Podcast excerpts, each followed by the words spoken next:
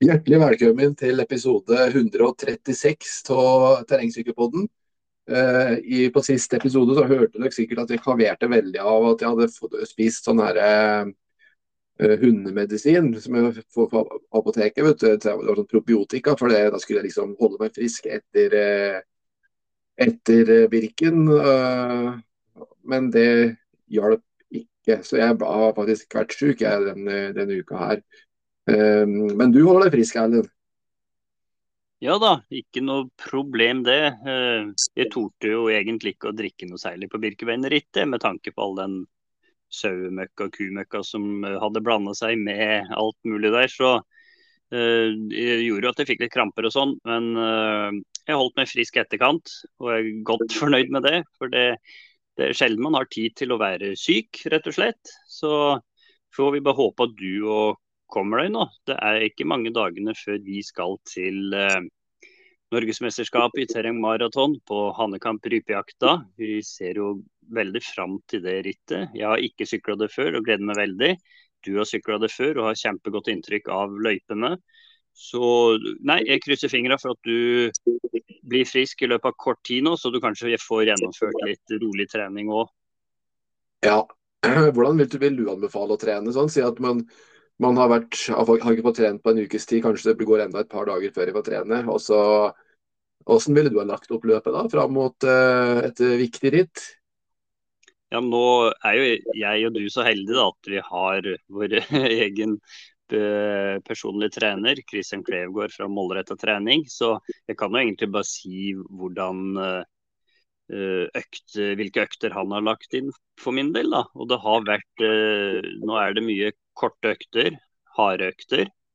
Uh, sånn som i går, da kjørte jeg um, syv drag av 45 sekunder i tre serier i en bratt bakke på ganske høy watt. Uh, og så er det, det, er litt sånne økter, da. Sånn, det, skal, det skal tas i, men ikke så lenge at restitusjonstida blir for lang. Så det, det, er fokus på det nå denne uka her. Og så prøve mm. å klemme inn et par hviledager, tenker jeg. Det har vært mye ritt i, i, i, sommer, for å si det sånn. Så nei, jeg gleder meg veldig. Hva, hva, tenker du for din egen del, da, hvis du skulle bli frisk til i morgen? Uh, til i morgen, hvis jeg blir frisk til da, så bare følger jeg det treningsprogrammet som Kristian uh, har, uh, har laget til oss. Det, det, er jo basert på en del, uh, som du sa, da høyintensive økter, eh, men, men, ikke gå helt i kjelleren. Og så er det jo en del, en del uh, hviledager. Uh, men uh, Så jeg tenker litt sånn i forhold til at jeg har vært syk nå, om jeg skal gjøre noe endring på det. Men, men det han har satt opp for meg, da NM maraton går på søndagen. På mandag har han satt opp styrke. Tirsdag fri. onsdag Eh, en kort økt med litt eh, drag. Torsdag fri. Fredag to timers rolig kosetur. Og så en vekkeøkt dagen før, men med tre ganger ett minutt terskel og noen styrkespurter. Og så er vi der. Da er det en maraton. Så det er sånn eh, jeg tror jeg kommer til å kjøre det opplegget her, jeg.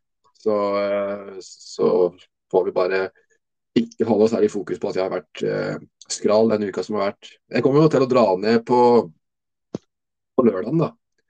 På, eh, på, sånn at jeg får prøvd litt av løypa der. Eh, kommer du til å gjøre det samme, eller Erlend? Eh, jeg er nok opptatt, invitert til et bryllup på lørdag. Så oppladninga blir mye god mat. Og, så det blir nok ikke noe sånn Nei, jeg reiser ned samme morgen og sykler og reiser hjem igjen. Det, det, det, er det jeg får til nå. Optimalt sett burde man jo ha vært nede og testa løypene.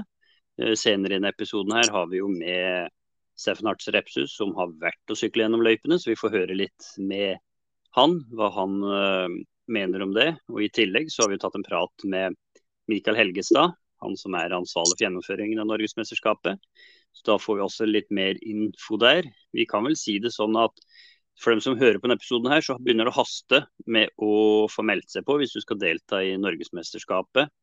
Der er det vel uh, påmeldingsfristen i, rundt disse tider her. Ellers er både turklasse og den slags oppe eh, helt fram til rittet. Uh, Men før vi går til han, så skal vi jo ta en prat med daglig leder i Frøy, Jørn Michaelsen, eh, som denne helga her har arrangert Oslo terrengsykkelfestival eh, med rundbane og kortbane for alle, for alle klasser. Og så hører vi med Ole Kristian Fagerli, som deltok i masterklassen der, hvordan han opplevde løypen og konkurransen. Så da tror jeg vi bare setter over til Jørn Michaelsen. Det gjør vi.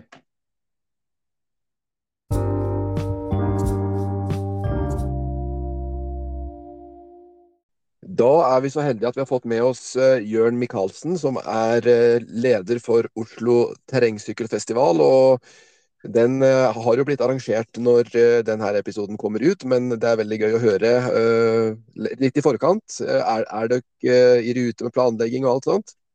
Ja, det tror jeg vi er. Du kan aldri vite, men arenaen er rigga, løypene er merka startlistene er klare, startnumrene er på vei ut til syklistene. Og vi har fått besøk av en uh, sjefskommissær fra Wales, og dette ser veldig bra ut. Ja, Det høres jo uh, veldig bra ut. Så er det mange påmeldte nå? eller? Ja, til sammen så er det oppimot 650 starter med rundbane lørdag og kortbane søndag. Litt flere på søndag enn på lørdag. Nei, unnskyld, litt flere på lørdag enn på søndag, men det bruker det å være vanligvis. Ja, så bra. Jeg har jo sett litt på programmet deres, og det er jo ganske mange forskjellige ritt som skal uh, sykles. Kan du ikke si litt om eh, helgens rittprogram? Det kan jeg gjøre. Det som er veldig fint med terrengsykling i rundbane, er jo at uh, det er et arrangement som favner alle fra seks år til over 70. Og begge dager nå så har vi da først eh, de yngste som uh, sykler fra klokka ni om morgenen. Uh, klasse 6, 7, 8, 9 og 10 år. Og så kommer 11-12-åringene 13, 14 og 15, 16 etter det. Det er jo da regionritt med til dels veldig store og gode felt. Så her kommer det til å bli full fart og, og, og mye spenning.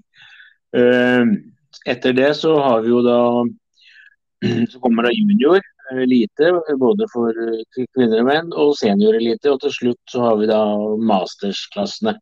De kommer ikke helt i kronologisk rekkefølge av tekniske årsaker, men vi har altså alle klasser. Og juniorelite, seniorelite er jo da UCI-ritt kategori 1 og norgescup. Det betyr at vi også har en del eh, besøk fra Sverige spesielt, og Danmark. Ja, nei, vi har, jo, vi har jo en del gode utlendinger, men vi har jo også veldig mange gode norske terrengsyklister. Terrengsykling i Norge har jo heva seg uh, mye de siste åra, og, og, kommissæren, som er internasjonal, sa at han hadde lagt merke til norske ryttere på internasjonale ritt mange ganger. En av de jeg kan trekke frem, som jeg var og så på sjøl under VM i, i, Skottland for ikke så lenge siden, er jo da Sivert Ekerol, som sykler i juniorklassen. Han hadde et stygt fall eh, allerede fra start i VM, men sykla seg jevnt og trutt oppover og ble til slutt nummer fire. Rune Høydahl, som er en uh, terrengsykkelveteran, mente at han hadde kommet på pallen hvis han ikke hadde hatt uhellet, og han er jo en av favorittene i morgendagens juniorritt. Ja, og han eh, er vel fortsatt rangert som nummer én i verden på junior, er han ikke det? Det tror jeg faktisk han er, ja. Siste som var inne på lista, så han er jo da også selvfølgelig rangert øverst, eh, øverst i, i, i juniorklassen. Men han har da en svensk uh, rytter som heter Unger på plass nummer to, så de kommer helt sikkert til å kjempe om uh, de beste posisjonene og det å komme seg raskest mulig gjennom løypa, sammen med gode syklister fra Norge. Ja. ja, for det er jo mange Det er ganske Det yrer litt på juniorsida, syns jeg. Det er høyt nivå blant veldig mange der. Og, og vi har jo også sønnen til, eh, til Høydal som eh, presterer på ja, veldig høyt nivå. Ja da, vi har det, og, det syns jeg er veldig fint at uh, selv om andre typer sykkelritt sliter med deltakelsen, så er det gjennomført, eller vil det bli gjennomført sju ritthelger i, med terrengsykling i Norgescup i Norge i år. med god deltakelse på de fleste av de, og så kommer NM i tillegg, slik at aktiviteten på terrengsida er veldig god. Og, og rekrutteringen er også, også, veldig bra, sånn at vi er fornøyd med det. Og det, det lover jo godt for, for, norsk sykling, fordi at mange terrengsyklister går jo over til landevei eller andre grener og, og gjør det godt der. Eh, dansken som vant, som vant eh, junior-VM i terreng, vant jo også landeveis-VM for juniorer i samme mesterskap. Så det viser at det går an å slå til i flere grener. Ja, vi har jo sett mer og mer av det i det siste. At uh, man faktisk presterer på begge grener. Også landevei og, og uh, rundbanen terrengsykling. Så det er veldig spennende å se. Og det viser jo at, at sykling er sykling. Det sier ja. at det som er spesielt hyggelig eller spennende på Østlandet, er jo at nå kommer det en velodrom i Asker. Og det betyr jo at uh, det blir helt andre treningsforhold om vinteren. Og velodromer er jo fine arenaer for, for, å skaffe seg godt O2-opptak og teknikk. Og vi ser jo også, altså selv også i Glasgow-VM så var det jo en kvinnelig, hun som vant uh, kvinner senior, tok også to gull i velodromen. Så her er det mange muligheter for syklister, enten de sykler terreng eller, eller landevei eller velodrom, eller for å utvikle seg videre.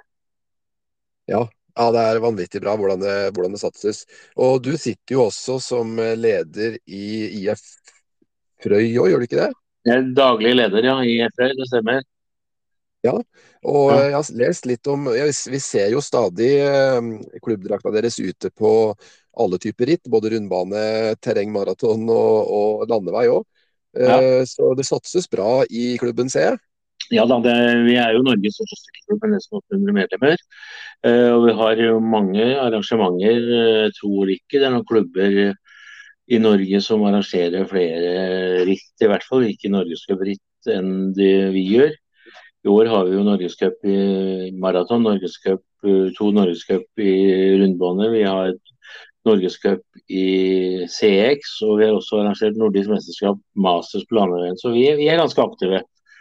Eh, ja. Men det er klart et sånt arrangement som, som eh, Oslo Terrengsykkelfestival eh, krever jo at store deler av klubben engasjerer seg. Vi har regna ut at eh, til sammen så er vi over 200 medlemmer som er i aktivitet på skuldre disse dagene. vi har jo faktisk 80 deltakere. Det er vi veldig fornøyd med. Så har vi like mange like, like mange funksjonærer, og så har vi støtteapparat osv. slik at vi blir 200. og Det betyr jo at uh, det skal godt gjøres å ikke se uh, Frøyd-drakten på Skulderud denne helga. Ja, det skjønner jeg. Dere er jo også arrangør av uh, terrengsykkelrittet, som var i Norgescup uh, terrengmaraton uh, nå i sommer. Og, ja. og uh, hadde også veldig, veldig bra ritt der. Veldig ja. godt godt gjennomført. Og hva er det som gjør at uh, dere er så flinke på akkurat det her med å arrangere uh, sykkelritt og, og, sånt? Ja, det er jo I utgangspunktet så er det jo erfaring. Vi er en stor klubb og vi har folk med kompetanse på mange områder. Vi har, vi har um, Eh, for I, i terrenget f.eks. så har vi Vidar Handal som har vært med i veldig mange år i terrengsykling. Vi har Thomas Gøtt som kan alt om Riga Arena. Vi har Marild Bustingdal som, som er eh, løypesjef. Og det tilsvarende når vi arrangerer landhusritt, så har vi folk som har vært med, og, og noen av de har faktisk vært og sykla i 50 år på landeveien. og Da kan du ganske mye hvordan skal, ting skal gjøres.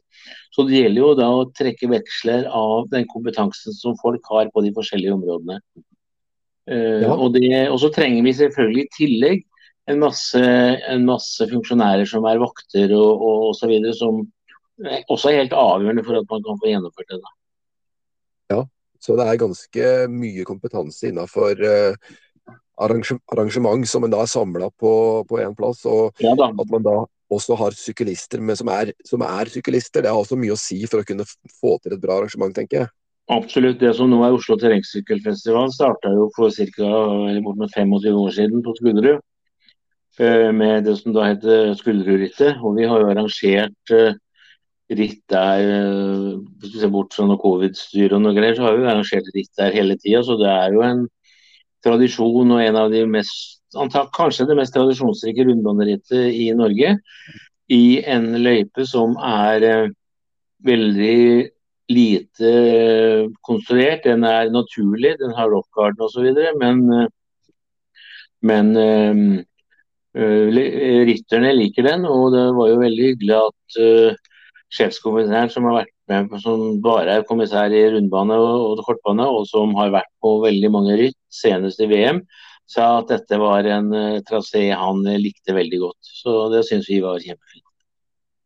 Ja, det skjønner jeg. Så sånn eh, over til mer aktive eh, ryttere av dere. Så dere har tre satsingsgrupper fortsatt, har dere ikke det? Jo da, vi har jo vi har mange satsingsgrupper. Vi, vi, har jo junior, senior, og så har vi jo satsingsgrupper i 15, 16 og 13, 14 også. Ja, stemmer. Så det er på en måte et opplegg for uh, alle som ønsker å være med på sykling i, uh, i klubben deres? Vi har jo prøver opplegg for alle typer syklister. Uh, og vi har jo i, på, I terrenget så har vi jo stigrupper for de som ikke er så opptatt av å konkurrere, men som heller vil kose seg på sykkelen. og det setter, setter mange pris på. Ja, det skjønner jeg godt. Så eh, Ellers så har vi Erlend med oss her òg. Han eh, sitter og lytter og har sikkert eh, en del spørsmål han vil eh, høre svaret på. Ja, kom igjen. Ja, Du sa jo det her at uh, løypa er ganske naturtro, eller natur, at den ikke er så konstruert. Eh, hvordan er det i forhold til publikum? Er det noe publikumsområde, eller kan man gå rundt omkring og stå der man sjøl vil? Ja, den er jo, altså, Løypene er jo i åsen eh, som da blir eh, nord-vest for Skulderudstua og Skulderud idrettsarena. Og den går jo på kryss og tvers, sånn at hvis du går opp det som vi kaller Akebakken, opp fra Skulderudstua, så er du midt i området hvor du kan se rytterne mange ganger. Så det er, eh, det er fint å, være, å, være, å, se på god sykkelsport eh, på skuldre. Hvordan eh, vil du si vanskelighetsgraden er på selve løypa? Nei, det er vanskelig for meg å si, for jeg har ikke prøvd den sjøl. Men den er, i hvert fall, den er i hvert fall god nok for internasjonal nivå på UCI-ritt. Så, sånn at den, den er jo ganske krevende. Er det også så har vi selvfølgelig, så har vi selvfølgelig andre altså Vi har jo fire løyper for, for, de minste oppover til eliten, så vi har jo alle typer løyper. Så, så eh, du skal eh, trent en del for å få flyten ordentlig, og en, de beste gjør jo det. Er det mye høydemeter, eller er det forholdsvis flatløype? Nei, det er mye høydemeter. Jeg må innrømme at jeg husker ikke akkurat nå hva det var, men, men det går jo opp og ned sånn at uh, det er opp og ned og, og, og, og rundt, sånn at du får, du får kjørt ordentlig. og Eliten kjører jo sju runder, og da er de ute i mellom 1,20 og 1,30. og Du er bra kjørt når du kommer i mål da. Er, eh, jeg var så vidt inne og så på startlisten, og du var jo litt inne på det sjøl at det var deltakere fra flere land. Jeg ser bl.a. i kvinner eliteklasse, så har du jo tre syklister som deltar i verdenscup der. Det er jo Linn Gustavsson fra Sverige og Ingrid Bøe Jacobsen som deltar for Norge. Og så I tillegg så har du en meksikansk utøver, ja, Erika Monserrat Suárez Rodriguez. Det må da bli litt av en eh, kamp i, i den klasse der? Det blir spennende. Jeg tror Linn er eh, ranka øverst. og Hun har jo vært en trofast deltaker hos oss i, i, mange år. Så vi eh, gleder oss til å ønske henne velkommen tilbake. Og jeg sier at eh, Ingrid Bjørn Jacobsen en, er jo en veteran som har vært med mange år, og som mange prøver å slå. Og det er klart En eller annen dag så gjør de jo det, men når den dagen kommer, kommer det vet jeg ikke. Uh, så er det jo også kamp om, om uh, å vinne Norgescupen i i rundbane for kvinner. Der har, tror jeg Berit Resell har en ledelse på 30 poeng eh, på Oda Lafors, som da kommer fra Frøy. Så her er det, det er fire ritt igjen. To nå og to i Halden om 14 dager. Så her blir det kamp til siste slutt. Uh, når dette sendes, så vil man jo vite resultatet av helgens ritt, så da kan jo mye være avgjort. Uh, eller det kan være slik at det blir siste tråkk i Halden som avgjør. Ja, det er mye spenning nå mot slutten. Og, men uh, du sa jo at det er et stort arrangement. og sånn, og Gjør dere noe spesielt for å tiltrekke dere deltakere for utlandet, eller er det bare at de syns det er interessant å komme til Norge og konkurrere? Vi kunne nok, vi kunne nok gjort mer i fjor. Vi hadde jo nordisk mesterskap, og da hadde vi noen flere utenlandske deltakere, spesielt for Sverige og Danmark, og da gjorde vi en del. Men ellers så er det jo slik at, at rytterne finner konkurranser som passer for dem. Det ligger på den internasjonale kalenderen. og, og, og da plukker de ut det som passer. og Ofte så er det enten hos Rye om våren og oss om høsten. Vi har jo også en, noen tanker og noen dialog med klubber i Sverige og Danmark om å lage en skandinavisk cup for terrengsykling. og det tror vi, Hvis det kommer, så vil jo det øke interessen. Forutsatt at man da har noen godbiter som premier for at man skal sørge for at de beste kommer. Men det, det får vi komme tilbake til når vi litt henger fram. Ja, det høres ut som veldig spennende planer, det. og det er jo, Vi vet jo at det norske landslaget ofte dropper å dra til Amerika og konkurrere i verdenscup der. Så en, en nordisk cup det kunne jo vært eh, plass til det, vil jeg tro. Ja, så, ja. Men uh, hva var det jeg tenkte på? Du sa jo det er jo et stort arrangement. Veldig mange klasser, mange deltakere. og Det er jo norgescup osv. Når begynner egentlig planlegginga mot en sånn uh, arrangementshelg som det her? Den går vel egentlig fortløpende hele året. Uh, som jeg sa, så har Jefre mange forskjellige typer ritt uh, for ungdom, for landevei, for, for, sykkelcross. Sånn at vi jobber jo med ritt hele tida. Og så er det jo sånn at når ett ritt er ferdig, så tar vi en liten hvilepause med det, og så begynner vi da å forberede neste ritt. Og nå er etter, etter uh, denne helga så skal vi ha klubbmesterskap i fellesstart på tirsdag, terreng på onsdag og tempo på torsdag. Og etter det så begynner vi å se mot uh, Norgescup i, i, i sykkelcross i oktober. Og når vi er ferdig med det, så begynner vi å se ordentlig på, på neste år. Vi har jo allerede fått dato uh, jeg tror det er 8. og 9. juni for uh, Oslo terrengsykkelfestival i 2024. sånn at da vet vi hva vi har å forholde oss til. Og så håper vi at vi får NM i rundbane og kortbane i 2025. Fordi at um, vi har arrangert i 95, 2005, 2015, og da er 2025 korrekt for å holde turnusen. Ja, det høres absolutt sånn ut da. Så Nei, men da, da, går det egentlig hele året. Men samtidig, dere har jo mye erfaring, så dere vet vel når ting må gjøres. Så, ja, men det er klart at du blir, du har, de siste dagene er alltid hektiske. Sånn vil det jo alltid være. For det er alltid ting som du ikke får ordna før du vet hvor mange deltakere det er, f.eks. Så sånn at uh, den siste uka, i hvert fall for meg og flere andre, går med til å jobbe med dette. og det, det er vi klar over.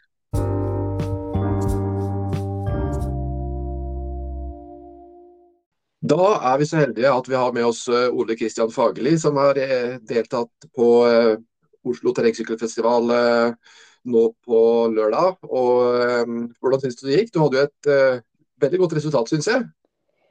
Jeg er veldig fornøyd. Nå er det jo masterklassen jeg kjører, da, men det er, jo, det er jo, den alderen jeg har, så sånn, sånn, blir det jo. Men nei, jeg er veldig fornøyd. Jeg var jo der i og for seg med jobben for å, og var der hele dagen. og det var første terrengsykkelritt jeg kjørte i år. Så det var sånn eh, hive seg med i siste liten. Så det var eh, ja, over all forventning, egentlig. Og løypene var eh, Det var sleipt og glatt, men det var veldig Nei, det fungerte veldig fint, altså. Så overraskende bra.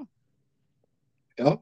Du vant jo klasse 40-44 og ble vel nummer to totalt av alle mastersyklister. Så det er ikke verst det, med tanke på at du kun kjørt ett ritt. Nei, jeg syns det var bra. Så det, det, liksom, det året her har vært eh, veldig spesielt. Så det har vært eh, Halvåret var det jo så å si ikke noe trening engang. Så det um, Når jeg først kom i gang å trene ordentlig i juni, så har uh, formen har gått helt vilt fort framover. Så egentlig var det store målet var grenserittet av Birken i år, men så ble jeg sjuk natt i grenserittet. Så det var jo, og var sjuk en uke, så de to rittene jeg skulle kjøre, røyk jo. Så da ble det å bli med her isteden. Så nei, det var Det gikk eh, Man har jo ikke noe sånn det, Man har ikke akkurat det siste lille når man ikke har kjørt noe ritt, men eh, det går eh, på det jevne. Så er det jo Altså, når ting er i terrenget, så er det jo Jeg kjører jo uansett hvor dårlig form jeg er, så kjører jeg bra i terrenget. Så det, og når da formen er ganske føltes bra i helga, og så sklir det av gårde, da. Så det Nei, det var bra. Ja, så bra. For de som er jo kjent med terrengsykling, er, er jo, navnet ditt kjent. Eh, du har jo vært tidligere syklist på, på høyt nivå, så du har vel kanskje litt med deg de egenskapene der. De sitter sikkert litt i kroppen? Ja, det gjør det. Når du har holdt på med dette på fulltid, så blir det på Du glemmer aldri å sykle da, i terrenget. Så det trikset er vel i og for seg å ikke ta seg ut for mye i eh, oppoverbakker og der det ikke er teknisk. Sånn man har litt krefter der det er teknisk. Og så lenge man klarer å gjøre det, så kjører jeg vel egentlig aldri sakte i akkurat i terrenget. Så det, det, er bare det at man må bare passe på at man har litt krefter når man går inn i det tekniske hele tiden. Så det er det viktigste. Så lenge man gjør det, så går det greit. Ja, jeg tror mange mastersyklister som eh, kanskje er mer på eh, mosjonsnivå lurer fælt på hvordan er det mulig å sykle så fort i terrenget. og Er det noen sånne her, eh, er det noen hemmeligheter som uh, folk kan, kan røpe i forhold til det å kjøre fort i terrenget? Det er, det, er sikkert, det, er jo, det er, jo, ikke noen hemmeligheter, men det er jo masse man kan gjøre. Det er, det er lettere på en måte å stå og se på folk eh, og si hva de gjør feil, enn å si hva sånn felles for alle. Men litt av så når jeg er veldig usikker på formen. Jeg hadde ikke kjørt gjennom løypa på forhånd heller. Så det er et par år siden jeg var der sist. Jeg visste jo ikke hvordan løypa var. Men det, det går gjerne ofte Det går ofte fort å ikke gjøre feil, for å si det sånn. Så det er å istedenfor å kanskje ta de heftigste linjene og Eh, så lønner det seg ofte å gå for det sikre. Eh, og tenke at man skal klikke minst mulig ut av pedalene i løpet av en runde. Når du snakker på det nivået her, ja, altså snakker du på høydenivå, så blir det litt annerledes. Men så lenge, for hver eneste feil man gjør, da, så koster det krefter. Så det var sånn jeg kjørte i går òg. Det, det, var egentlig planen var å kjøre, gjøre så lite feil som mulig, og så heller holde igjen litt på trøkket, da, så man ikke gjør feil. Og, og var det to linjer, en som var litt vanskelig og en som var litt lettere, så tok jeg heller den lette, selv om den i teorien man taper, eh, taper litt på den. På én runde, så i løpet av fire runder, da, så er det fort gjort at man gjør feil på én av de, og da går vinninga litt opp i spinninga. Så det er ofte å holde huet litt kaldt og kanskje ikke ta det mm, Ikke ta sjansen da, på de vanskeligste partiene noen ganger. Ja, ikke sant. Vi snakka litt med Jørn Michaelsen, som er leder for, uh, for det rittet her rett i forkant. Uh, litt i forhold til planlegging og sånt. Men uh, hvordan syns du arrangementet gikk? Du har jo fått, du har vært med som deltaker. Var det, var det et bra arrangement? Ja, det er kjempebra. Jeg, jeg var jo der på lørdag fra halv ni. for Eh, sønnen min skulle være med i den yngste klassen, så jeg var der jo hele dagen. Og det, det er kjempebra. Altså, det, Frøy er alltid flinke til å arrangere. og de Det er nesten synd at det ikke er flere voksne med på de rundbanerittene. for det er jo um, det er supre arrangementer. Du kommer, kjører i en kjempemorsom løype. Eh, og, og premieutdeling er raskt etterpå, du drar. Så det, arrangementet er kjempebra. Og det er jo spesielt gøy å se på alle disse småtassa da, på 11-12 år, hvor fort de faktisk kjører i terrenget. Og det er ganske sjukt å se, faktisk. Så det er eh, Nei, det var veldig veldig morsomt å være der hele dagen. Det var fint vær. og Kiosken var bra, og alt stemte. Så det, nei, det var, var veldig bra arrangert. Ja, så bra. Så bra. Skal du være med på NM til helga, som kommer? Nei, det skal jeg ikke. Jeg, altså, det, det, her eh, rittet her var egentlig Jeg har, eh, har, egentlig ikke sykkel til det. Eller jeg har kjøpt en uh, aluminium Spark, en 950, som et drog av en sykkel, bare for å ha med piggdekk i vinter. Så jeg orker ikke å frakte den rundt på et maratonritt, skal jeg være helt ærlig. Så Eh, men jeg fikk litt eh, Jeg var veldig gira mot Birken. Og så når jeg ble sjuk, så har jeg egentlig bare mista helt lysta. Men nå ble jeg litt gira enn jeg så at jeg var såpass grei i form, da. Så eh, jeg, neste for meg nå blir nok Jeg har nok lyst til å kjøre kjøre um, cyclecross-sesongen. Ja. Så ja, det, er det, er det som er det neste hvis jeg orker å Hvis jeg får litt gnisten for å trene ordentlig mot det, så tror jeg nok det blir en tre Kanskje to, tre, fire av de ritta der. Og mest sannsynlig NM til slutt, da. Ja, ikke sant. Nei, jeg var grad jeg faktisk etter Birken nå, så jeg har vært eh, egentlig. Så da, da, ble det ikke noe ritt nå i helga på meg, men satser på at jeg er i form, form igjen til uka, da. Ja. Har du kjørt cyclecross før, eller? Med... Jeg har aldri kjørt cyclecross. Det har jeg aldri gjort. Det bør jo dere prøve på. Altså, det er jo eh, Det bør jo være en perfekt blanding av dunking og teknisk. Ja, ikke sant. Det, det, er noe med det. Vi har snakka en del om det. og Skal ikke se bort ifra at vi plutselig får ånden over oss og stiller der òg, altså. Nei, det bør du prøve på. Så, eh, nei, det får, vi, det får, vi, se på.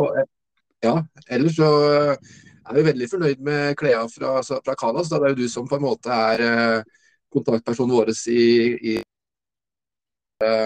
sportsbekledning, sykkelbekledning. og det, det funker jo dritbra, for å si det mildt. Så bra. Dere er synlige, ser jeg, i klærne. Du tok jo ikke akkurat de mest nøytrale fargene, så det er, dere er ganske synlige når dere har den på dere. Nei, vi, de fargene våre Vi tenkte at vi skal prøve å syne. Ja, det er bra. Men skal dere kjøre NM til helga, dere, eller? Ja, det er det som er planen. Så eh, vi kjører, vi. Og eh, jeg håper jeg er frisk da. Det er jo egentlig mer en sånn herre eh, virusinfeksjon jeg har, tenker jeg. Så, så bare jeg får kjørt noen vekkeøkter nå til uka, så er jeg fit for fight, jeg tenker. Så det blir, det blir, veldig bra. Ellers så sitter jo Erlend på, han sitter jo bak her og lytter litt. og Du har sikkert noen spørsmål du Erlend? Ja da, først og fremst så, så jeg på resultatlisten at uh, du var jo bare 33 sekunder bak han Jonas Nermoen, som uh, en veldig god syklist. Var det så du hadde den i sikte hele veien, eller kan ikke du fortelle litt om hvordan det gikk fra start og videre? Ja, ja egentlig. Altså, første uh, Jonas stakk fra alle sammen egentlig første bakken. og første runden så knota jeg litt, siden jeg ikke hadde vært igjennom løypa. Så ble det ble jeg, så jeg mista vel fort en 20 sekunder da. Og etter det så lå vel jeg, eh, Jonas og Thomas Fergestad på tredje der. Vi lå vel eh, ja, pluss minus 20 hele veien eh, etter det. Så vi så hverandre sånn cirka på de samme stedene hele tiden. Så på tredje runden prøvde jeg å ta igjen litt, og da var jeg, var jeg vel 15 sekunder bak. Men jeg kom ikke noe nærmere. Så når det var igjen en halv runde, da skjønte jeg at dette går ikke. Så da da mista jeg litt mot slutten. Men vi, det var sånn at vi så hverandre på de samme stedene i fire runder. Så vi var jo, når det først luka hadde satt seg, så var vi ganske jevne. Ja, nei, altså, nei, det er jo artig da at uh, man kan se hverandre. Det var jo fire runder dere sykla. uh, hva, hva, tenker du om uh, tempo og nivå i masterklassen i forhold til kanskje junior, elite og eliteklassa? Er det store forskjeller, tror du? Ja, altså det, Eliteklassen i Norge nå er jo, når man ser på resultatlistene der, så er det jo snart bare folk som kjører worldcup, har inntrykk av. Det er jo ikke så mange som er med, men de som er med, er jo bra. Så det blir jo, blir jo en helt, uh, helt uh, annen greie sånn sett. Altså, Sist gang jeg kjørte master og kjørte litt, da, da, var nok, da, var jeg en del nærmere. For da var jeg i bedre form og var slankere og alt enn jeg er nå. Men uh, det er jo De mastera, det er det jo samme som kjører der, da. Og vi blir jo eldre alle sammen. Så det blir jo ikke noe raskere. Men uh, nivået i forhold til alder vil jeg jo si er rimelig bra i masterklassen, da. Så det er bare litt synd at uh, det skulle gjerne vært med litt flere. altså At uh, nivået var enda, kanskje enda mer spredd enn der. da. Så, for det er jo en veldig, veldig kule ritt for uh, de som ønsker å kjøre litt ordentlige terrengsykkelløyper, så er det jo veldig kule ritt å være med på. Men eh, de som er med, er jo bra, stort sett alle sammen. Ja, eh, jeg så det var jo det var vel tolv som fullførte da, i den master 30 til 59 år, og så var det ingen over 60 år. og Halvparten omtrent var jo fra arrangørklubben, mens uh, i denne episoden her så har vi også pratet med Stefan Hartz Repsus som uh, som i forrige helg sykla Birken, hvor det var 400-500 i, i, bare hans klasse. Hva, hva, tror du gjør at det er uh, så få som kommer på de rundbanerittene opp i aldra? Altså, det var jo mange deltakere totalt sett på terrengsykkelfestivalen, men ikke så mange i masterklassene. Men mange kommer på Birken. Hva, hva tror du det kommer av? Det er vanskelig å si Det blir jo bare hva jeg tror, da. Men så klart, rundbaneterreng Jeg tror nok så fort noe heter norgescup, så tror jeg terskelen for å bli med på ting er litt høyere. Det tror jeg. Og så er jo å kjøre grusbirken kontra terrengritt er jo to helt forskjellige ting sånn teknisk sett, da. Altså Kjøre Birken, det klarer jo alle. Eh, kjøre rundt den løypa i Skullerud, da skal du på en måte være, kjøre litt en del terreng, da. Og så blir jo sånn Birken er jo en målsetning veldig mange har for å for, å, for treningen det året. Så det, det, det, henger jo sammen med det. Sånn sett så burde det sikkert vært enda flere Birken nå, hvis, du, hvis det, de skulle vært fornøyd. Så det, og så tror jeg det alltid har vært litt sånn det, folk syns det er litt skummelt å være med på øh, den norgescupen. Jeg, jeg, jeg, er jo helt sikker på at veldig mange som kjører Birken nå, hadde hatt godt å være med både på den Masters Norgescupen og Kalascupen og, og, kjørt litt mer sånne intensive tekniske ritt. da. For det, det er en litt egen greie. Så, og det er jo veldig veldig god trening eh, også for den som skal kjøre Birken. Så Hvorfor ikke flere er med, det vet jeg ikke. Det er jo generelt et problem, det. da. Nesten uansett hva slags ritt, så er det jo få som møter opp. Så mm, det er jo stort sett de samme overalt man ser. Så det er jo bare sånn det har blitt. Eh, men det er litt synd, for jeg tror, det er mange som ikke har prøvd det, som hadde syntes det hadde vært veldig kult. Ja, absolutt. Og det er jo mange i yngre klasser som eh, deltar nå, så man får jo håpe at mange av dem også fortsetter i åra framover. Så Nei, men uh, da får du egentlig bare tusen takk for at du stilte til den praten her. Så uh, må du ha lykke til med videre treninger da, fram mot uh, cyclocross-sesongen. Det blir jo spennende. Jeg satser på det. Da blir det vel da blir det å sette seg på skift da, på kveldstid og prøve å få inn noen hardøkter. Så nei, det blir bra. Så får dere lykke til i, til NM til helga. Det er jo en vanvittig morsom løype, da. Så det bør jo bli veldig bra. Ja, vi håper det. Så vi skal i hvert fall gi alt. Det får du gjøre. Jo, ha det godt. Ha det bra. Ha det.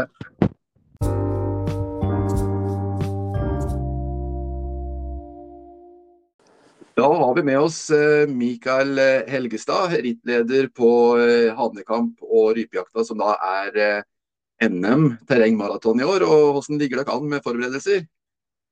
Jo, jeg syns det ligger bra an. Det blir litt blir ofte litt ekstra ekstrajobb nå den siste tida inn mot rittet, men eh, ja. Det, det, formelle er jo Var jo egentlig mye på plass eh, fram til eh, opprinnelig rittstart, men så måtte vi jo sende litt ut litt eh, nye varsler og ting og tang på eh, til Vegvesenet og Viken og politiet og grunneiere og Røde Kors og slik at alle er eh, informert at de har måttet utsette, da. Men eh, det skal være i boks, det. Og dommere og NSF, NSF har eh, informert og, og kommer. Og, så det, det står bare egentlig på sånne småting igjen, da. Som er, er disse her vanlige matstasjoner, kantine og vaktlister og vaktsjef. Og at alle som har gjør det siste jobben inn mot rittet, da. Ja, ja, det er litt av et uh, apparat som skal settes i gang. Og, og, samtidig så er det jo fryktelig mange instanser som du sier, da, som skal både ha godkjenning fra og uh, det ene og det andre. Så, så, det er litt av en jobb som dere gjør altså, som arrangør.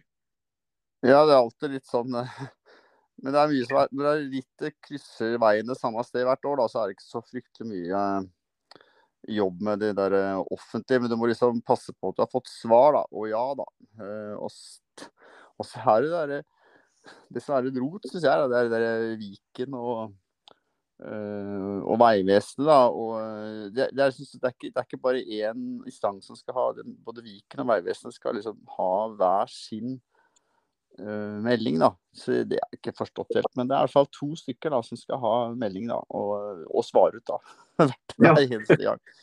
Så, eh, men eh, det, det, må bare passe på at, det, at de svarer ja, at det er i orden. Og det pleier de å gjøre, men det tar jo ofte tid. da. Det er jo behandlingstid. Ja, det er jo ofte det. Så nei, vi hadde jo en prat eh, tidligere i vår. Da hadde vi en lengre samtale der vi snakka litt om eh, historien til hannekamp og rypejakta og, eh, og, hele pakka. Men da var det jo faktisk eh, skiløyper i, i den traseen som skulle brukes eh, bare en uke før rittet. Så da, Da, da hadde vi ikke noe annet valg da, enn å, utsette. Nei, det var jo ikke noe annet valg. Det måtte bare utsette. Det hadde ikke rekke å få merka løypa. Det var vel blitt nesten bart eller til rittet, så man kunne sikkert kjørt forbi noen snøfonner og sånt, men, eh, men eh, vi hadde jo ikke rekke å, å, å, å, merke og gjøre alt i stand til sånn som vi så det. Så det, det hadde blitt veldig veldig skvis. Så vi valgte å utsette. Nå har vi jo hele, hele stadet fått mye nedbør, da. Så nå er, jo, eh, nå er det jo litt bløtt foreløpig. Så vi håper det skal tørke litt fram mot, mot, mot, mot rittet nå. Ser i hvert fall værmeldinga bra ut denne uka her. Så da håper vi at uh, myrpytter og, og, bekker skal gå litt lenger ned, da. Fram mot rittstart. Det, hadde vært, det hadde vært hyggelig. Det hadde vært veldig hyggelig. Så få kjørt et ritt kjøre, kjøre et ritt som for en gangs skyld eh, ikke er fullt av regn og gjørme. Det, det, har vi på en måte hatt ganske mye erfaring med i sommer. Ja, de har vært, eh, vært ivrige på det regnbyggene og regnintensiteten på Østlandet i år. Så eh, det var litt annerledes i fjor. Da var det så tørt at vi alle hadde aldri opplevd maken. Så det, det er kontrastenes tid i disse klimaendringene. Ja. ja, det er det virkelig. For de som ikke har kjørt eh, hannekamp på rypejakta før. Kan du ta oss og beskrive traseen eh, for dem? Ja, det kan vi gjøre. De, er, de har lagt ut denne her traseen for både 83 eh, og 71 og, og 41 km på, eh, på hjemmesiden vår. Så det er sånn tre ulike PDF-er. Og det er alle skal sykle den første traseen som er liksom en sånn startsløyfe og som går ut med mastersyklist i ca. 1,3 km, og så slippes dem. Og så går det opp en liten bakke på noen par minutter, og så er det rett inn i et terrenget. Og det er en sånn eh, sånn flytløype. Det går an å sykle forbi. Det er ikke bare single track. Det kommer seg forbi hvis man vil det, på den sånn skiløypeflyt. Og så eh, blir det smalere og smalere og single track til slutt. Og så går man over ei bro og så eh, ut på en ny skiløype igjen. og så Der kan man sykle forbi igjen, da. Og da kommer man Det er en del terreng da, i Tarita i starten. da, og Det er ca. 50% terreng da, og, og 50 grus og litt, bitte litt asfalt. Så kom man seg uh, nesten tilbake til målområdet igjen etter ca. 80 km, så det er lett å lange da, for hvis man trenger langing. Det er en ny langesone der. Og så kommer man ut på grusveien, og da sløyfer man ned bortover grusen. Og så skal man ned en, uh, en lang sti ned til Portåsen, da. Ja, og da, da, da, da begynner jeg en klatring da, etter den nedkjøringa, da. Og den heter Vildenveis syrefest. Så den er vel Jeg eh, tror eh, Ole Hem har rekorden på den. Det er vel en åtte-ni minutter opp på, på sti, da. Og så tilbake til Mifita, der man starta. Så da har man ca. 24 km. Det er første sløyfe, startsløyfe. Mm. Og så er det en ny runde, da. og Det er uh, ut mot Hagatjern, kryss fra asfalten. Og så er det ut mot Hagatjern, og så mot uh, gruvene i uh, Drammen. Og så tilbake igjen til Mifita igjen. Og det er 16 km. Og det er liksom sløyfa på, på, på 41 km. Uh, men, men, på den 16 km, hvis man skal sykle lenger, da, 70 eller 80, eh, så må man ta på 14 km man ta til uh, venstre, da, der man tok til venstre første gangen, slik at man kommer seg ned mot Portåsen igjen. da. Mm. Så det er altså Det er de to rundene ja, det er de to, ja, de to rundene som kjøres hele tida, men ikke startsjefa på de første kilometerne. For da, da følger man litt annet system på, på en startsjef den er litt annerledes. Den første runden kjører man ikke på nytt, for å si det sånn. Man kjører bare deler av. Så den, vi krysser eh, vi, vi, bryter den runden på runde to. Så ja. shortcutter vi noe, noe, terreng der. Så det er litt eh, man, Men så lenge man følger løype, Eh, løypevaktas anvisninger, så går det veldig bra i kryss, de kryssa. Så også det, det, krysset som vi har hatt noen feilkjøringer før, der har vi har vi tre ulike farger på, på skilta, da. Så da har vi liksom nok nok av forvarsling to ganger, pluss et skilt i egen farge da, for 40, og 70 og 80 km. Da. Ja. Hvem er det som skal sykle de forskjellige distansene? Er det sånn at eh, alle klasser sykler eh, den lange, eller er det noen, noen klasser som sykler kortere? Nei, det er vel sånn at turklassene de sykler den 41 km, og så sykler eh, master over 50 eh, herrer, og master damer sykler den 41 km. Og så sykler master under 50 år, dems herrer, de sykler uh, den 71 km sammen med damer. Og så mhm. sykler juniorklassene, de sykler 41 km. Og så sykler uh, herrer uh, aktiv, de sykler 81 3 km. Ja, stemmer. Så det er litt forskjellige distanser. Ja. Så det er er det noen plasser på løypa som det kan være lurt å ha prøvd litt på før rittet, eller er det bare å, å gønne på, tenker du? Det er vel kanskje noen som syns det er litt, sånn, litt uh, skummelt det, den delen på uh, gamle Drammensytraseen. Uh, når du sykler ned til parkering på Havakjern, så skal man dekke inn i skogen der. og Da er det en liten sånn bratt uh, knaus man skal over i starten der, som er liksom blindt. Så da sykler noen rett på, noen sykler til venstre, noen sykler til høyre på den knausen.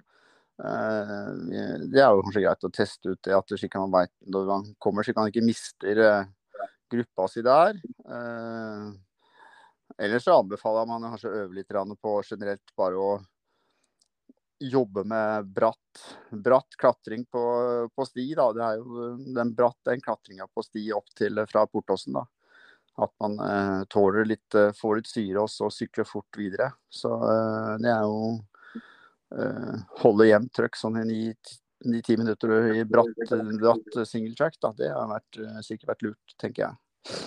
Ja, Nei, jeg har kjørt uh, ritt, og uh, den bakken er bratt. Han er så, såpass bratt at det uh, kan være greit å øve litt på det, faktisk. Det, mener å huske at jeg ratt kanskje gikk litt med sykkelen opp der òg, jeg. Ja. det er ikke så. Jeg tror eliten liten de sykler nok uansett opp. Uh, og uh, er nok sprek nok til det. Men det er nok mange i, i, som føler at den var så bratt at, det, at de ikke taper noe på å gå. da. Og det tror jeg heller de ikke gjør. da, for at kanskje Hvis de prøver å sykle, så kanskje de opparbeider seg så mye syre at de er vanskelig å få den ut igjen. da. Så det må man ta en vurdering på da man skal hoppe av sykkelen og gå de 50-100 meterne av den siste delen av den bakken der før man sykler videre.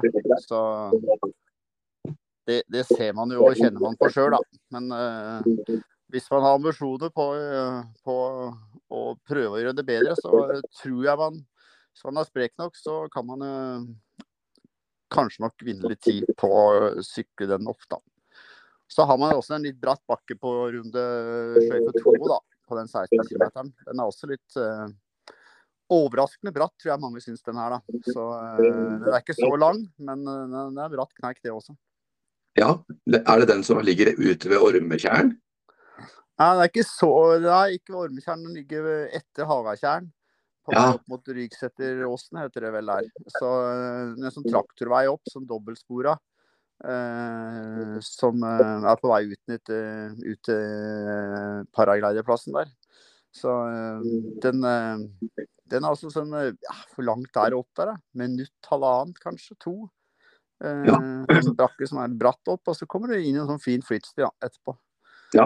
Det, er for, det er for å komme inn på den fine flytstien. Har jeg lagt den om. Jeg kunne jo bare kjørt den rett fram på grusen der, så hadde du, hadde du ikke fått sånn bratt bakke. Men er, jeg ville innom den fine flytstien. da. Så ja, sant. ble det den rate bakken opp, da. Så det er, vel, ja. det er, belønning, det er belønninga, da.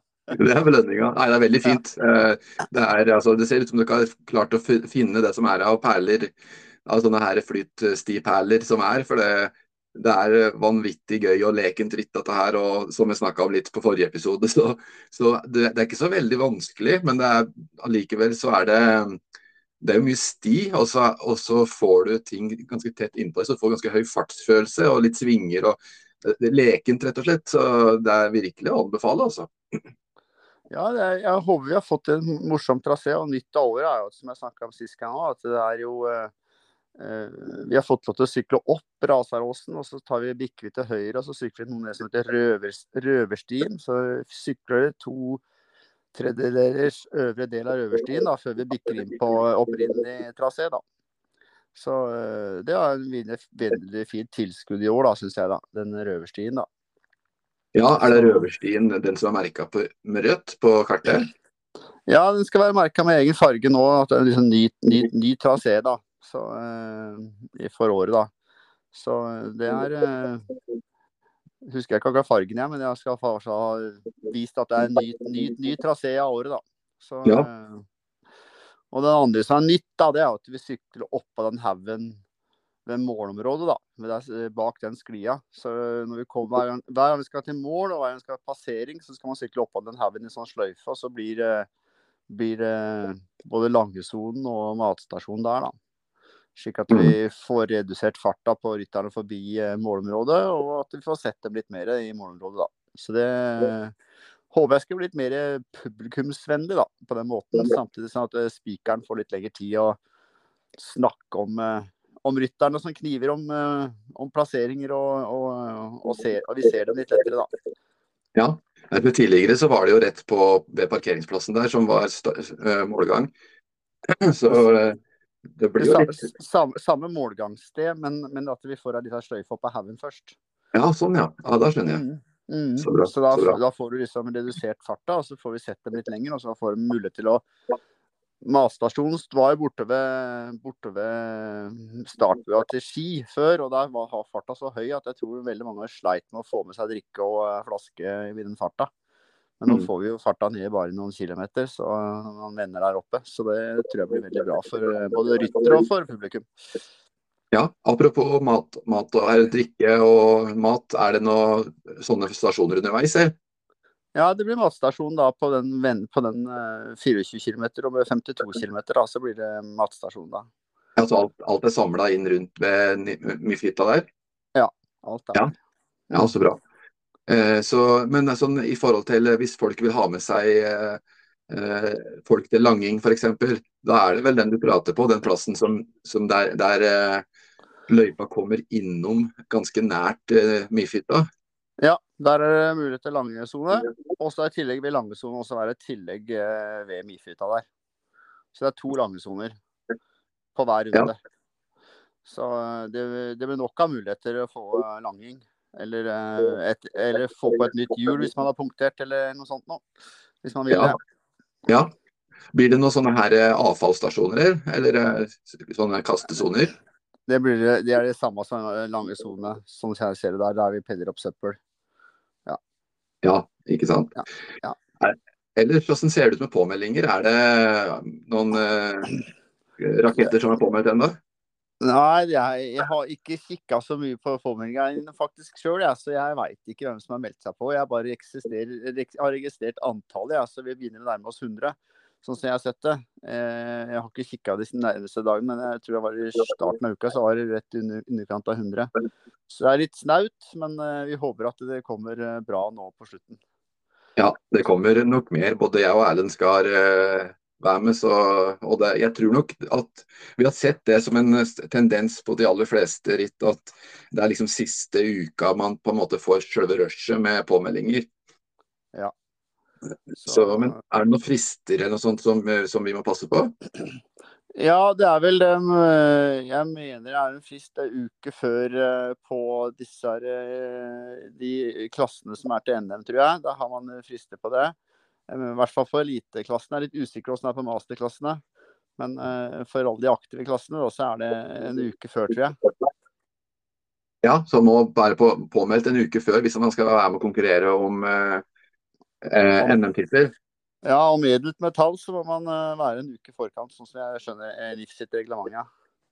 ja, og det er litt viktig at vi er klar over, vi som skal være med, at uh, vi må passe på å melde på, på tidsnok, sånn, sånn at vi plutselig ikke står der og skal melde oss på, så får vi ikke vært med på NM. Nei, det er litt kjedelig. Da blir det tur, da. Turklassen, da. Da blir det turklassen. Så det er moro, det òg, da. Og det, Kanskje litt lavere skuldre. litt lavere skuldre. Har hatt eh, litt eh, få påmeldte på turklassen. Eh, det syns jeg er litt synd, egentlig. For at det, det, er liksom Det står at det er NM, liksom, men det er jo fortsatt mulig å sykle tur. da. Men liksom, det hadde vært fint, og da hadde meldt seg på en gjeng på tur også. Så Kanskje jeg har det kanskje litt er for langt. Kanskje jeg må vurdere etter hvert å kutte ned til bare ei sløyfe på tur på 24 km. Men ja, vi, får, vi, får, se. Vi får se hva, hva tiden bringer til neste år. Ja, vi kan jo prøve å få til en liten sånn spørreundersøkelse blant uh, lytterne våre og høre hva de tenker. Ja, det hadde vært fint å Høre hva dere lytterne deres mener. Det hadde vært fint. For Vi har mulighet til å legge inn sånn spørreundersøkelse på uh, Spotify, og da er det mange som, som svarer på det. Så hadde bl.a. noe om om man skulle være med på Birken eller ikke nå. og Det var det mange som skulle. og nå ble det kanskje mange som, som droppa det òg pga. været. da. Det, jeg var der og sykla sjøl i går, og det var en ganske våt opplevelse. Ja, du måtte ikke gape for mye, vel? For, munnen full av søle? Jeg hadde faktisk eh, skikkelig eh, smak av sauemøkk eh, i kjeften etter, etter, etter rittet. Jeg tok, For å være helt sikker, så tok jeg en sånn her tube med, med probiotika til hund. Jeg, jeg har eh, en hund som hadde fått ma mageskjøv her om dagen, så da kjøpte jeg en sånn tube med probiotika, sånn pasta. Ja. Jeg meg en del av det, og jeg føler meg fin i dag. Ja, men Det var jo kjempelurt. Men er det hundemedisin, eller er det menneskemedisin? Nei, det er hundemedisin. Men... Ja, ja, men det fungerer, det fungerer jo for, for, formålet. Ja da, det funker for formålet. Ja, ja. ja men så det, bra. det var et bra tips, det, da. Ja, det er det. Jeg snakker, dyrlegen som jeg bruker, jeg gjør det samme sjøl når han er ute. Er det noen siste ting du vil eh, si før, uh, før vi avslutter? Uh, nei, jeg vil si at velkommen til ritt på Munnarskauen og, og Hanekamp rypejakta for både damer og herrer. Og lite og tur og masterklassene. Det er bare å stille opp og, og kjøre på det en kan. Dette blir jo en av kanskje de siste rytta for året, for mange kanskje. Eh, og vi håper vi skal få eh, gode forhold, da. Krysser fingra for det. Og eh, skal i hvert fall servere god lapskaus etter etter målgang til alle ryttere. Så det er hjemmelag med lapskaus og litt varmt å drikke. Det tror jeg blir bra. Ja, det blir kjempebra. Så da, da oppfordrer jeg alle sammen til å stille opp. Og så får jeg bare si tusen takk, Mikael, for at du stilte opp. Og så ses vi om ikke så altfor lenge. Da ses vi ikke mye. Og så uh, får lykke til i treningsarbeidet den siste biten. Jo, tusen takk. Snakkes vi. Takk. Hei, hei. Ja, hei.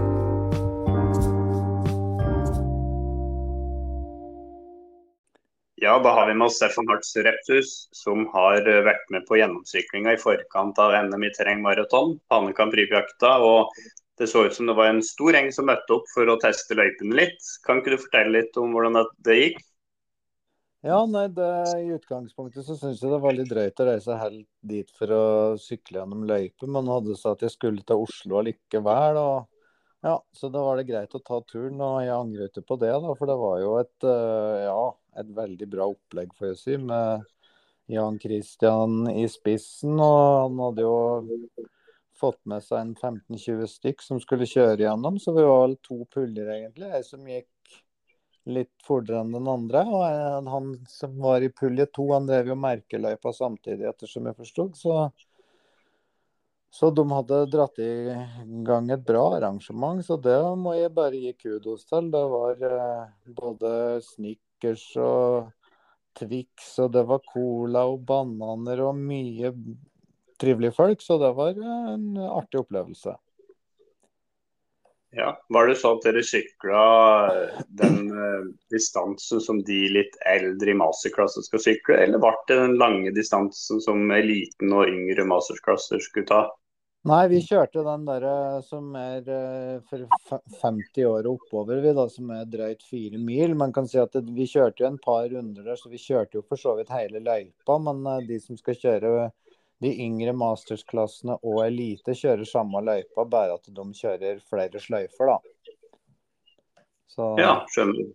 Hvordan, hvordan var løypene? Har det, var det preg at det har vært bløtt en periode, eller var det tørre, fine stier?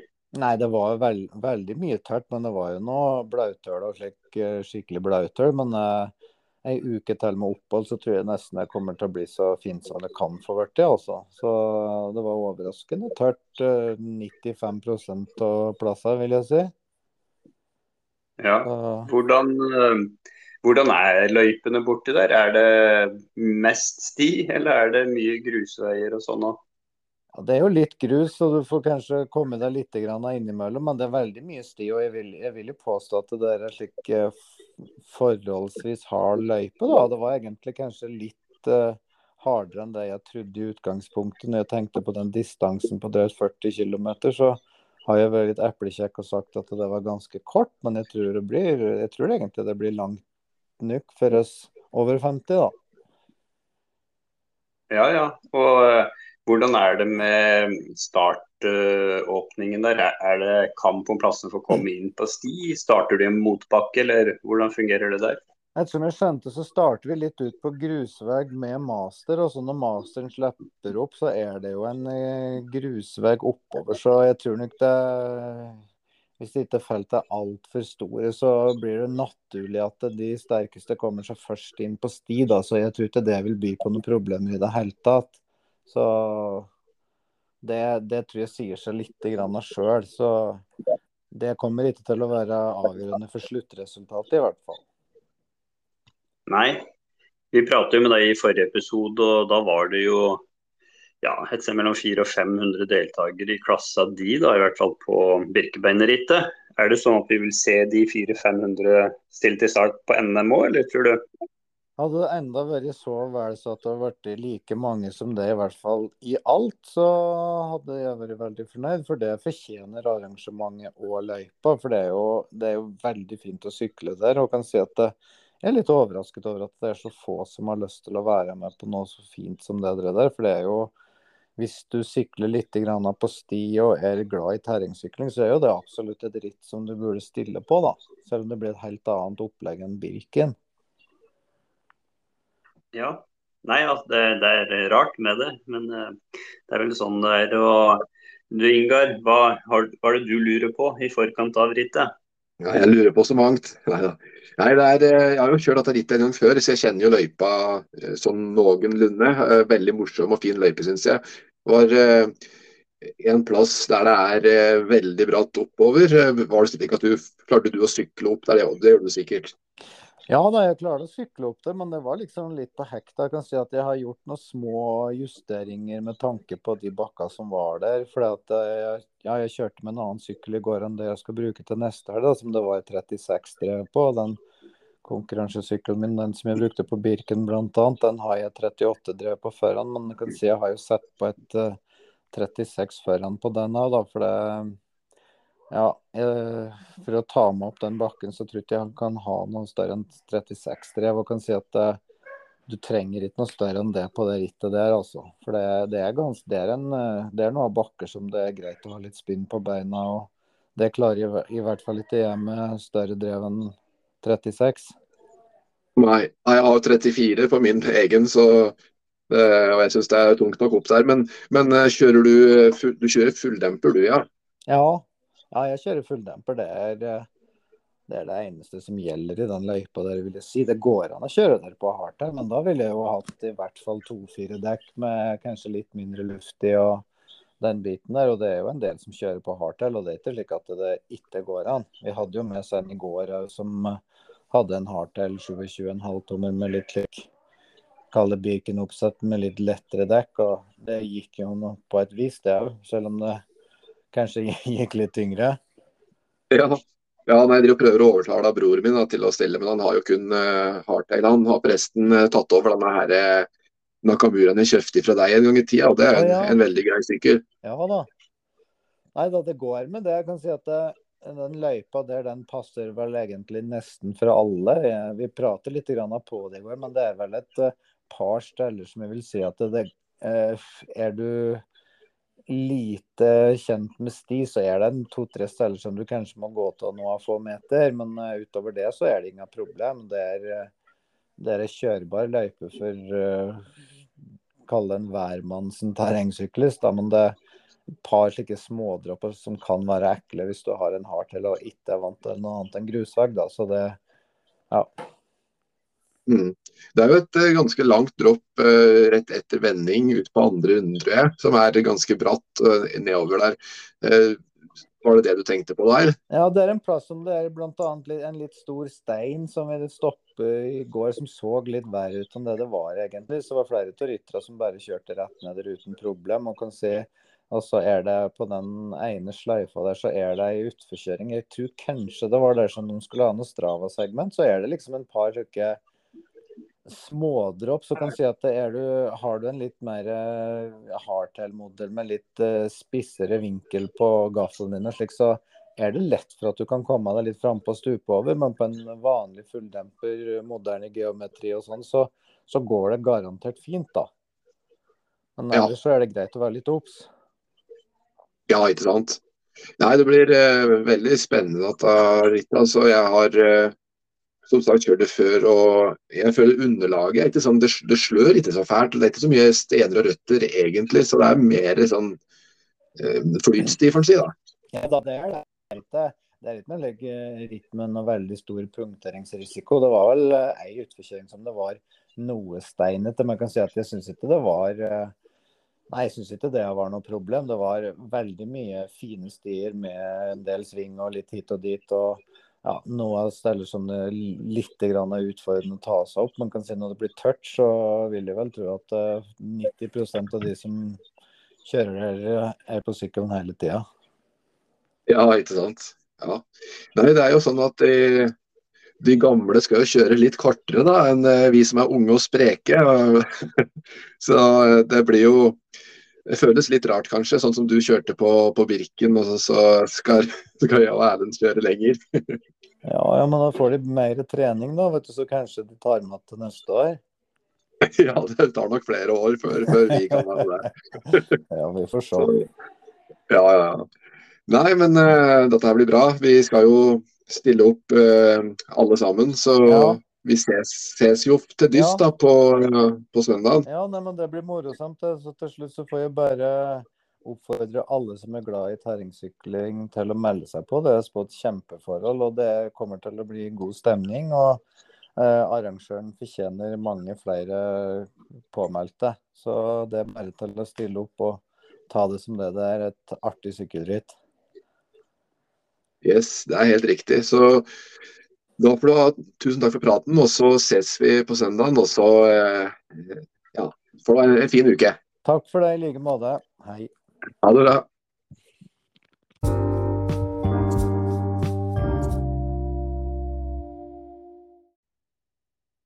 Ja, Det er jo ikke verst at vi har vår egen testrytter som drar ned for å teste løypa for oss. Syns ikke det er det?